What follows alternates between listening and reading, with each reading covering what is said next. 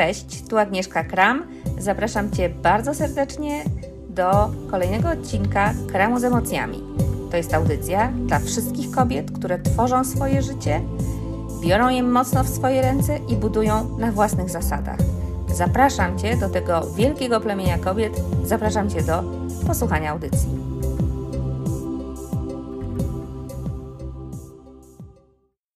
Cześć dziewczyny. Proszę bardzo o jakiś znak, czy widać i słychać. Dla tych z Was, które są pierwszy raz, rozpoczynamy kram z emocjami. To taka copiątkowa mini audycja, czyli live tutaj na fanpage'u Miejsca Kobiet. Yy, live Miejsca Kobiet. O, widzę, że się tutaj pojawiacie, czyli widać i słychać. Świetnie. Więc dla tych, którzy po raz pierwszy nazywam się Agnieszka Kram, jestem psycholożką, psychoterapeutką, pracuję z kobietami i tworzę miejsce kobiet w sieci i, i też na żywo.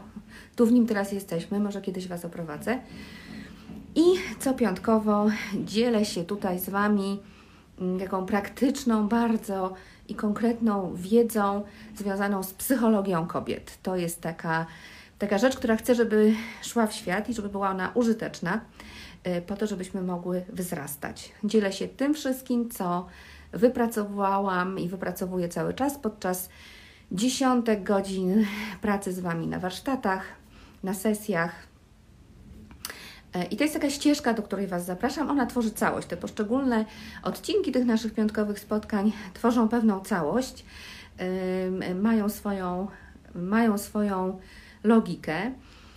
I tak jak listopad był miesiącem przyjemności, tak grudzień jest miesiącem, no oczywiste to jest dosyć, czyli miesiącem wdzięczności i celebrowania, i do tego Was zaproszę. Ale to nie tylko dlatego, że są święta, bo z nimi są bardzo różne emocje związane, chcę powiedzieć jasno i wyraźnie, bardzo różne, ale też w tradycji Indian, w takiej ścieżce matek klanowych, o których często opowiadam, która jest kobiecą ścieżką rozwoju i odkrywania i zdobywania swojej mocy, też grudzień, ta matka klanowa, która odpowiada za grudzień, ona uczy o potężnej sile wdzięczności. Więc, cześć Małgosiu, miło Cię widzieć. Więc na pewno ten temat się tu będzie pojawił, pojawiał w grudniu. No ale właśnie, tak jak było w zapowiedzi w poniedziałkowym newsletterze Miejsca Kobiet, hmm, chciałabym dzisiaj porozmawiać o równowadze w dawaniu i braniu, właśnie w kontekście tej wdzięczności i kontekście tego celebrowania. Chciałabym zaproponować taką tezę i tutaj rozłożyć troszkę na czynniki pierwsze i troszkę odmitologizować pewne właśnie mity, które na temat dawania i brania my kobiety mamy wewnątrz i bardzo je w sobie niesiemy. Ponieważ moja teza jest taka, że żeby dobrze móc celebrować mm, różne rzeczy, które w naszym życiu się dzieją i są dobre, czyli żeby móc być za nie wdzięcznymi, e, najpierw jakby krokiem do tego jest właśnie budowanie równowagi w dawaniu i braniu. Jak zapewne wiecie, ponieważ y, o tym się już teraz bardzo wiele mówi, o takiej praktyce wdzięczności, że jest to praktyka, która bardzo, bardzo ważna praktyka, która naprawdę zmienia nastawienie. Ja chcę Wam nawet powiedzieć, że były badania, był szereg badań, ja to dosyć do, dokładnie posprawdzałam. Był szereg badań na temat wdzięczności, uczucia wdzięczności i okazuje się, że to jest taka umiejętność bycia wdzięcznym, która rzeczywiście pobudza te sfery w naszym mózgu, które są odpowiedzialne za redukcję stresu. No i oczywiście jest wtedy, mm, wydzielają się inne hormony, nie te stresowe, które są bardzo odczuwane jako nieprzyjemne, tylko te dużo przyjemniejsze, więc to jakby napędza taką bardzo pozytywną spiralę, no, która pomaga budować znacznie, znacznie lepsze nastawienie i lepszą relację ze sobą i ze swoim życiem. Dlatego ta wdzięczność jest tak istotna, dlatego wszyscy o niej mówią, wszyscy nauczyciele duchowi, ale jak się okazuje, psycholodzy też to dość dobrze sprawdzili. No ale tak jak powiedziałam, o wdzięczności będzie za, e, za tydzień i, i za dwa. Natomiast ten pierwszy krok, do którego tutaj Ciebie ogromnie zachęcam, jako właśnie krok do tego, do wdzięczności i do celebrowania, który do któregoż to celebrowania w grudniu mamy okazji bardzo dużo, jest taki, żebyśmy zadbały o równowagę w dawaniu i braniu. No i tutaj mamy, no jeśli chodzi o nas kobiety, i o nadmiarowe dawanie i w ogóle ten temat dawania, no to mamy tutaj mnóstwo, mnóstwo bardzo negatywnych mitów. Jakby jesteśmy, e, często mamy to wyssane z mlekiem poprzednich pokoleń i kobiet w naszym, w naszym rodzie. E, to, że właśnie to dawanie jest taką oczywistością, jest czymś, do czego jesteśmy stworzone, co nam świetnie wychodzi bardzo często.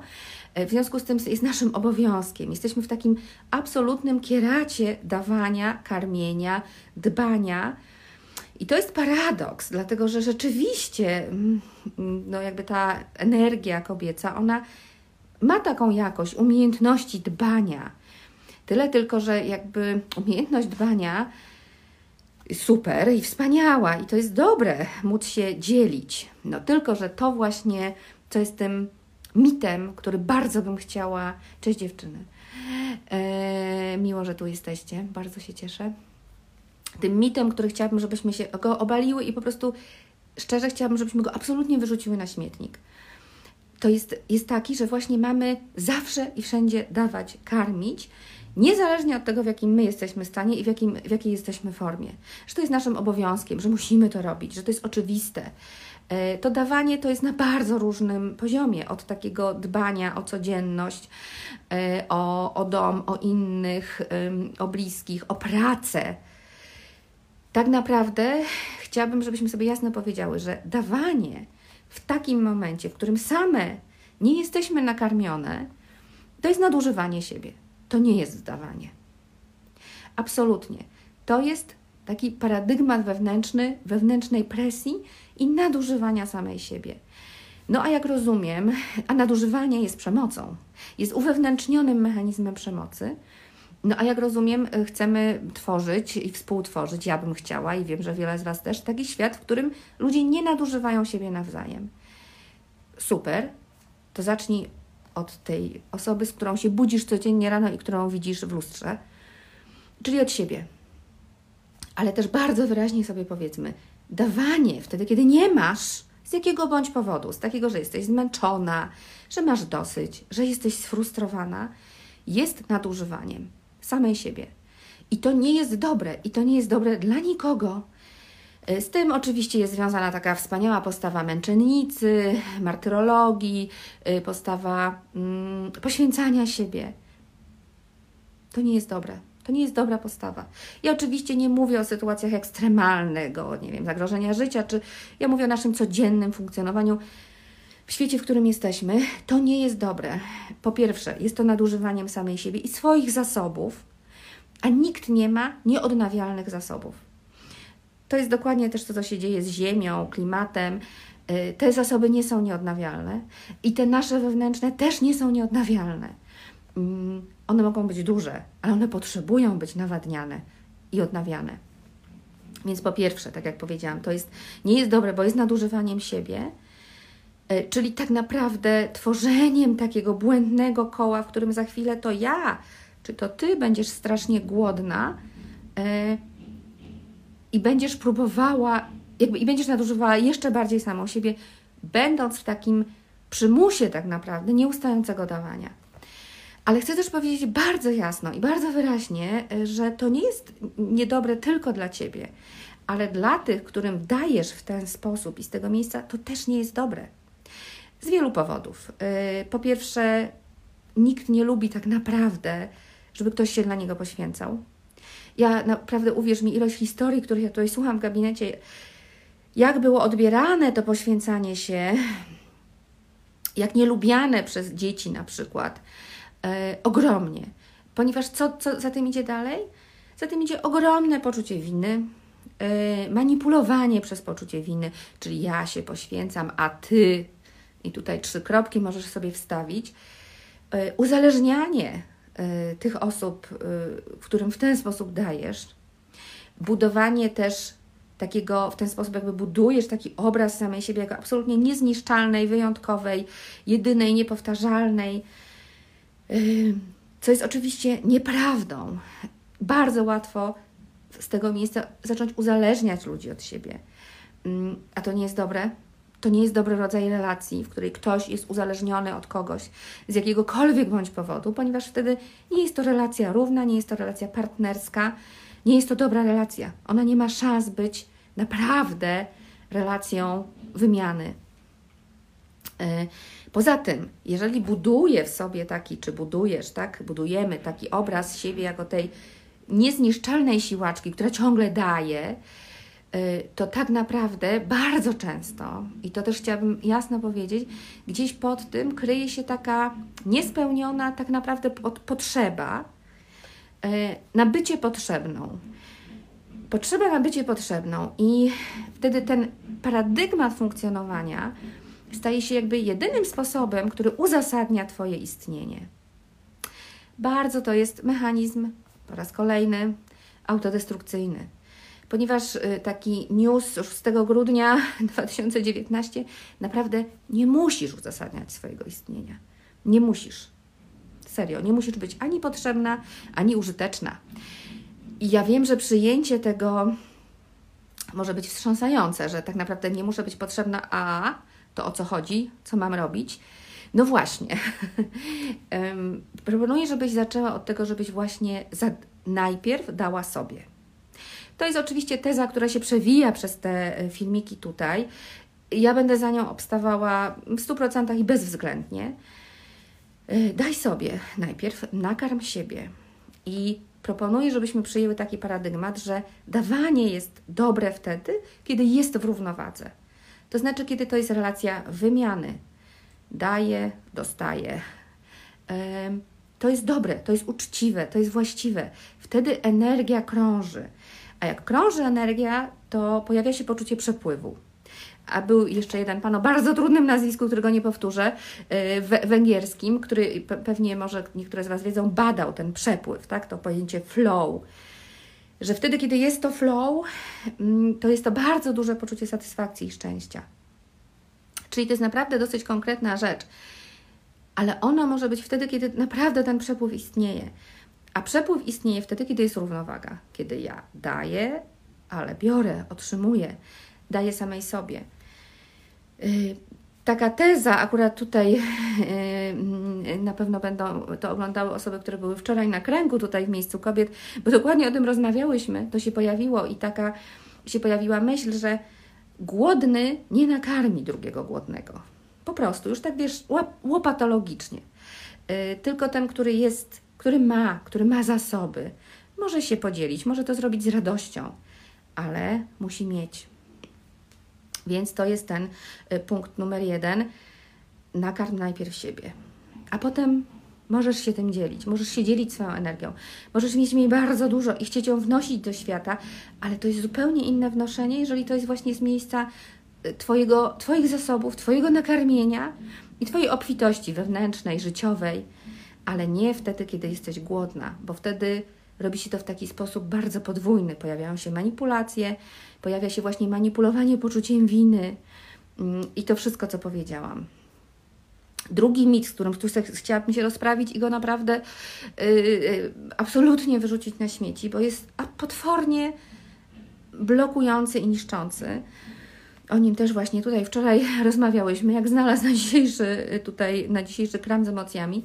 Mianowicie taki mit, że jeżeli będę dbała o siebie i swoje potrzeby, to będę egoistką i to będzie krzywdzić innych. I to skrzywdzi innych. Oczywiście, wiecie, no tu przykładów jest e, mnóstwo, no taki e, absolutnie na czasie to są wszystkie święta i okoliczne imprezy, nie wiem, jak nie pójdę, nie spotkam się, nie zrobię, to to, to skrzywdzi kogoś bardzo bym chciała, żebyśmy sobie jasno powiedziały, czym jest krzywda. No więc skrzywdzić kogoś można, jeżeli się używa przemocy wobec tego kogoś. To jest krzywda. Jeżeli się przekracza jego przestrzeń, nadużywa się tej osoby, nadużywa się swojej siły, którą się ma większą wobec tej osoby, y, krzywdzi się ją fizycznie, to jest krzywda, to jest krzywdzenie. Natomiast jeżeli ja coś zrobię, zadbam o swoje potrzeby, jeżeli ty zadbasz o swoje potrzeby i druga osoba w relacji poczuje dyskomfort z tego powodu, nawet ból, przykrość, to to nie jest krzywda. Naprawdę chciałabym, żeby to gdzieś mm, bardzo tutaj nas, bardzo wybrzmiało i gdzieś zapadło. To nie jest krzywda, tak? Czasem coś może kogoś, coś co ja zrobię, może kogoś zaboleć, ale tak naprawdę to jest informacja zwrotna dla tej osoby, e, że okej, okay, no może coś w tej naszej relacji nie działa, mm, może mogę coś w niej zmienić, albo jakby różne, tak? Jakby różne to mogą być informacje, ale to nie jest nic złego. Dbanie o swoje własne potrzeby, zadbanie o swoją potrzebę, to nie jest, nie ma, znaczy jeżeli dbasz naprawdę o swoje potrzeby, nie masz szansy skrzywdzić kogokolwiek. Jest to absurdalne. Tak naprawdę, jak tak pomyślimy o tym, wiecie, zupełnie logicznie, to to jest absurdalne, że to, że ja będę spełniała swoją potrzebę, kogoś skrzywdzi a to jest taki zakaz grubym murem gdzieś wpojony w nasze głowy, serca, ciała, który sprawia, że my kobiety tego nie robimy.